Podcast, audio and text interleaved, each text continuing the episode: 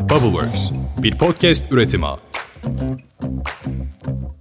Ninja kaplumbağaları hatırlıyor musunuz? Dört mutant tosbağadan oluşan bir sokak çetesiydi kendileri. Hayatımıza çizgi roman, televizyon ve film serisi olarak giren bu çeteyi biz 90'lar çocukları televizyon kanallarında gündüz kuşağında bir dönem hafta içi her gün izlerdik. Michelangelo, Leonardo, Rafael ve Donatello'dan oluşan bu sokak çetesinde aslında biri grupta olmamalıydı. Ama kim? Bu bölüm size vereceğim en kaliteli dedikoduyu içerecek. Hazır mısınız?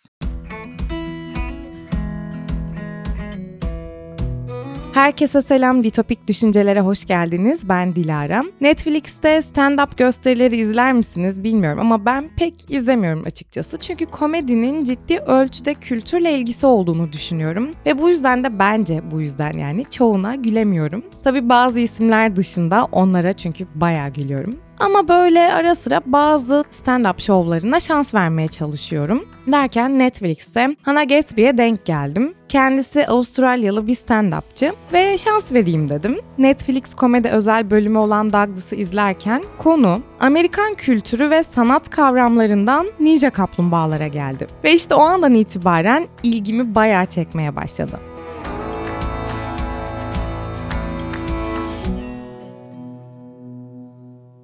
Hannah Gatsby, Donatello'nun Teenage Mutant Ninja Turtles'ın bir parçası olmaması gerektiği konusunda şaka yapmaya başladı. Ve bu yaptığı şakalar baya baya ilgimi çekiyordu. Kurduğu kavramlar arasındaki bağlantı çok iyiydi. Yaptığı şakayı araştırmaya başlayınca haklı olduğunu da gördüm ve bunu da hemen sizinle paylaşmam gerektiğini düşündüm. Şöyle ki ninja kaplumbağalara ki kendileri aslında birer kaplumbağa da değiller. Onlar aslında tosbağalar. Türkçe'de ikisini biz aynı şeyler olarak biliyoruz ama aynı değiller. Şimdi bundan da bahsetmemiz gerekiyor madem bu konuya girdik. Tamam ama biz ninjaların kaplumbağa olmadıklarını nereden anlıyoruz? Kaplumbağalar öncelikle yüzücü ve omnivorlar. Bu omnivor nedir derlerseniz hepciller yani hepoburlar. Hem et hem ot yiyorlar. Tosbağalar ise ikisi de değiller. Yani ne demek bu? Birçok kaplumbağa türü çoğunlukla suda yaşar ve sadece yumurtalarını kumsallara ya da karaya bırakmak için ortaya çıkarlar. Öte yandan tosbağ türleri toprağa sıkı sıkıya bağlıdır ve çoğu zaman karakteristik özellikleri yavaş ve hantaldır ve bu halleriyle etrafta dolanırken görülürler.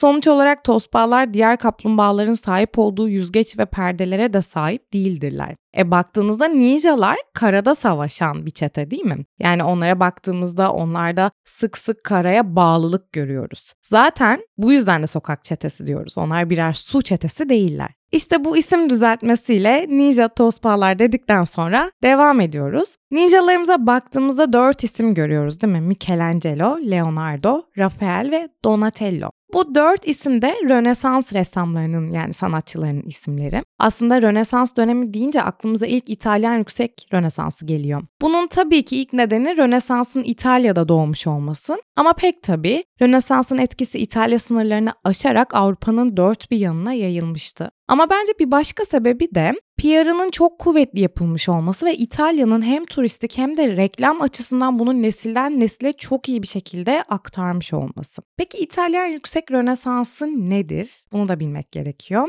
Şöyle ki 1500 ile 1530'lar arasındaki bir üretim sürecinden bahsediyoruz. Bazı kaynaklar 1530 diyor, bazıları 1537 diyor, bazı kaynaklar 1550 diyor. Ben de tabii orta bir tarih bulalım dedim ve 1530 baz alalım biz. Bu dönem yani Yüksek Rönesans, İtalya Rönesansı'nın 16. yüzyıldaki bilhassa papalık devletinin başkenti Roma ve Floransa'daki en olgun dönem bir yandan. O nedenle de çıkan sanatçılar ve eserleri çok büyük önem taşıyor. Şimdi neredeyse 30-35 yıllık bir dönemden bahsediyoruz ve bu dönemi simgeleyen 3 dahi sanatçı hayatımıza işte tam da bu süreçte girdi. Onlar Leonardo da Vinci, çok iyi biliyorsunuz, Michelangelo, bu ismi de çok iyi biliyorsunuz ve Rafael'di. Leonardo da Vinci ve Michelangelo'yu zaten bu podcast'ta da çokça konuştuk. Rafael'den birazcık bahsetmiştik ama hemen ondan da daha ayrıntılı bahsedelim. Raffaello Sanzio deyince benim aklıma hemen Atina Okulu eseri geliyor. Tabloyu bilenler hemen anladı ama bilmeyenler için kendisi İtalyan mimar ve ressam. Bir dönemde Leonardo da Vinci ve Michelangelo'da çıraklık yapmıştı.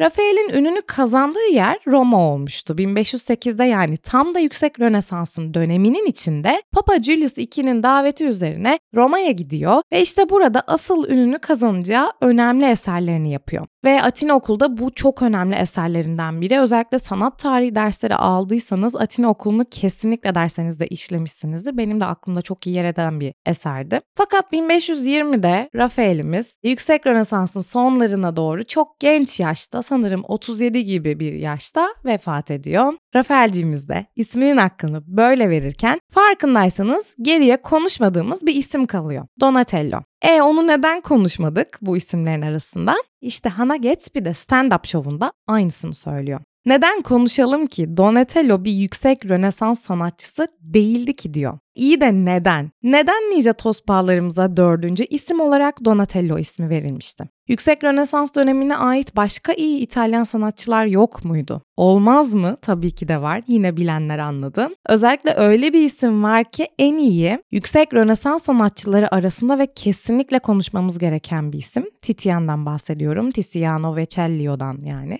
Peki kimdi bu Titian ve neden Ninja Toz Bağlarımızın dördüncüsünün ismi Titian değildi? Şimdi iş iyice ilginçleşiyor değil mi? Ama merak etmeyin birlikte çözeceğiz meseleyi. Renk dokusu ustası olarak bilinen Tiziano Vecellio 16. yüzyılın başında Venedik Avrupa'daki en varlıklı ve güçlü şehir devletiyken bu dönemin en önde gelen Venedikli sanatçısıymış pek çok Rönesans sanatçısına göre daha özgün fırça vuruşları kullanarak ve bazen boyayı parmaklarıyla yumuşatarak zengin ve ışıltılı renkleri kendinden emin bir şekilde uygularmış. Daha da önemlisi yüksek Rönesans deyince akla ilk gelen sanatçılardan biriydi o. Kaldı ki onunla çalışmayı İtalya sınırları içinde sadece Roma Krallığı değil, İtalya sınırları dışından da birçok krallık istemişti. Fransa Kralı, İspanya Kralı, Kutsal Roma İmparatoru, Papa 3. Paul, Titian bunların hepsinin emrinde çalışmıştı. Peki neden? Neden en önemli yüksek Rönesans sanatçılarının isimlerini alan Tosba çetemiz ninjaların isimlerinde Titian yoktu da yüksek Rönesans sanatçısı bile olmayan Donatello vardı? Şimdi öncelikle bir de Donatello'nun kim olduğuna bakmamız gerekiyor. Onu da bir anlayalım.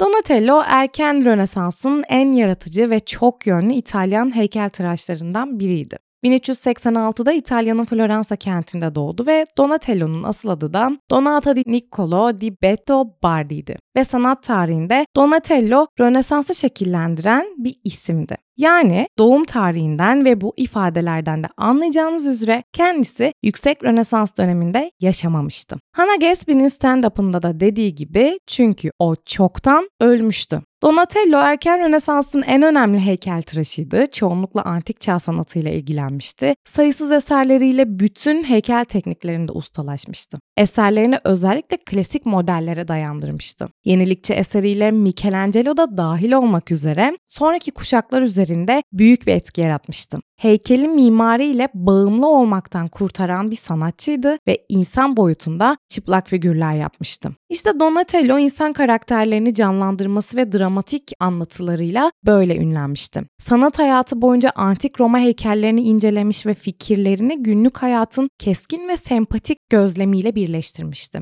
Donatello, Alberti, Brunelleschi, Masaccio ve Uccello ile birlikte İtalyan Rönesans tarzını yaratmışlardı. Donatello yüksek Rönesans'ın ve dev isimlerin öncüsü olmuş olabilirdi ki öyleydi. Gerçekten güçlü bir isimdi ama sonuçta bu ekibin döneminden değildi. İşte bu yüzden bu soruyu soruyorduk. Michelangelo, Leonardo ve Rafael'in dördüncüsü neden Titian değildi de Donatello'ydu? İşte bu sorunun cevabını Netflix'te izlediğim komedi şovu olan komedyen Hannah Gatsby'den öğrenebiliyorduk. Bu kısım Amerikan kültürü ve sanat kavramları hakkında yinelenen bir temayla bağlantı kuruyordu. Gatsby yüksek Rönesans esprisinin can alıcı noktası olarak burayı kullanmıştı. Ninja Turtles bir çete dizisiydi demiştik Ninja Tosbağlarımız ve bu dizinin hedef kitlesi de erkek çocuklarıydı. Her ne kadar biz kızlar izlesek de hedef kitle değildik. Titian yani Tiziano, ninja tosbağalarımızdan oluşan bu sokak çetesine katılamamıştı. Çünkü hedef kitle olan erkek çocukları için demografi buna pek de uygun bulunmamıştı.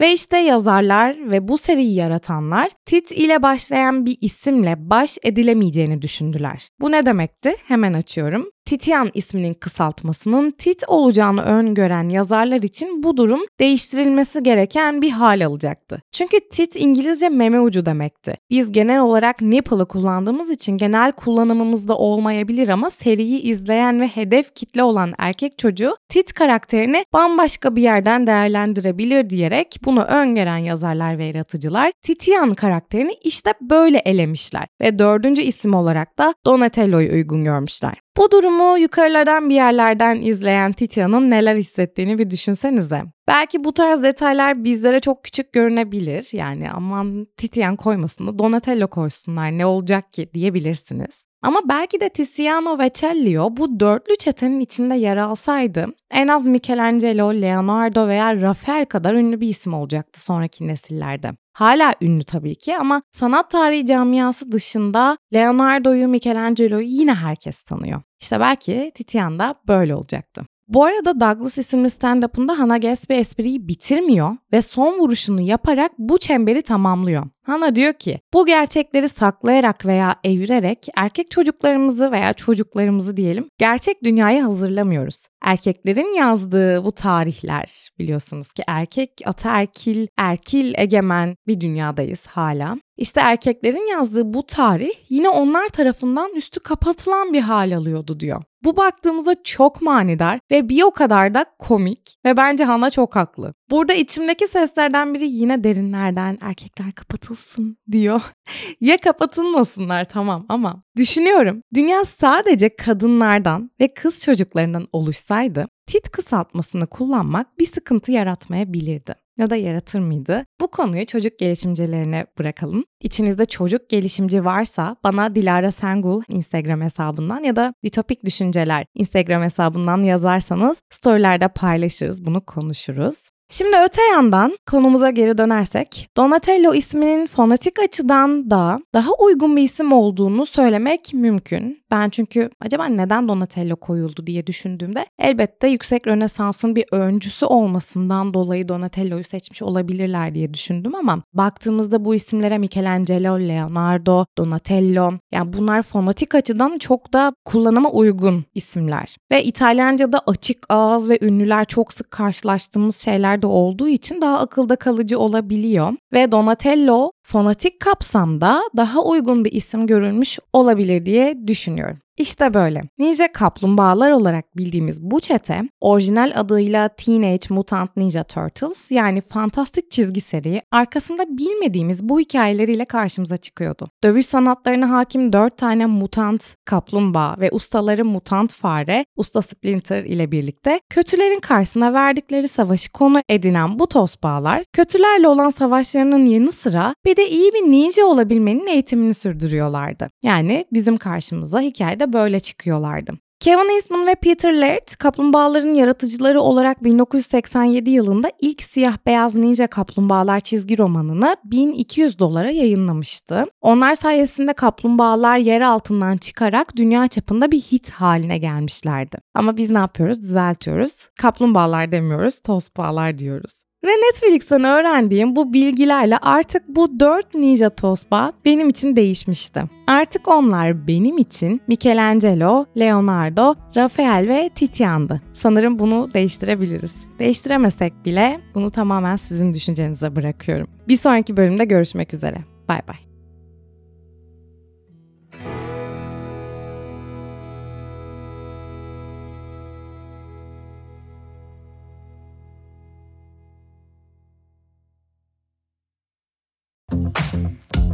Works, bir podcast üretimi.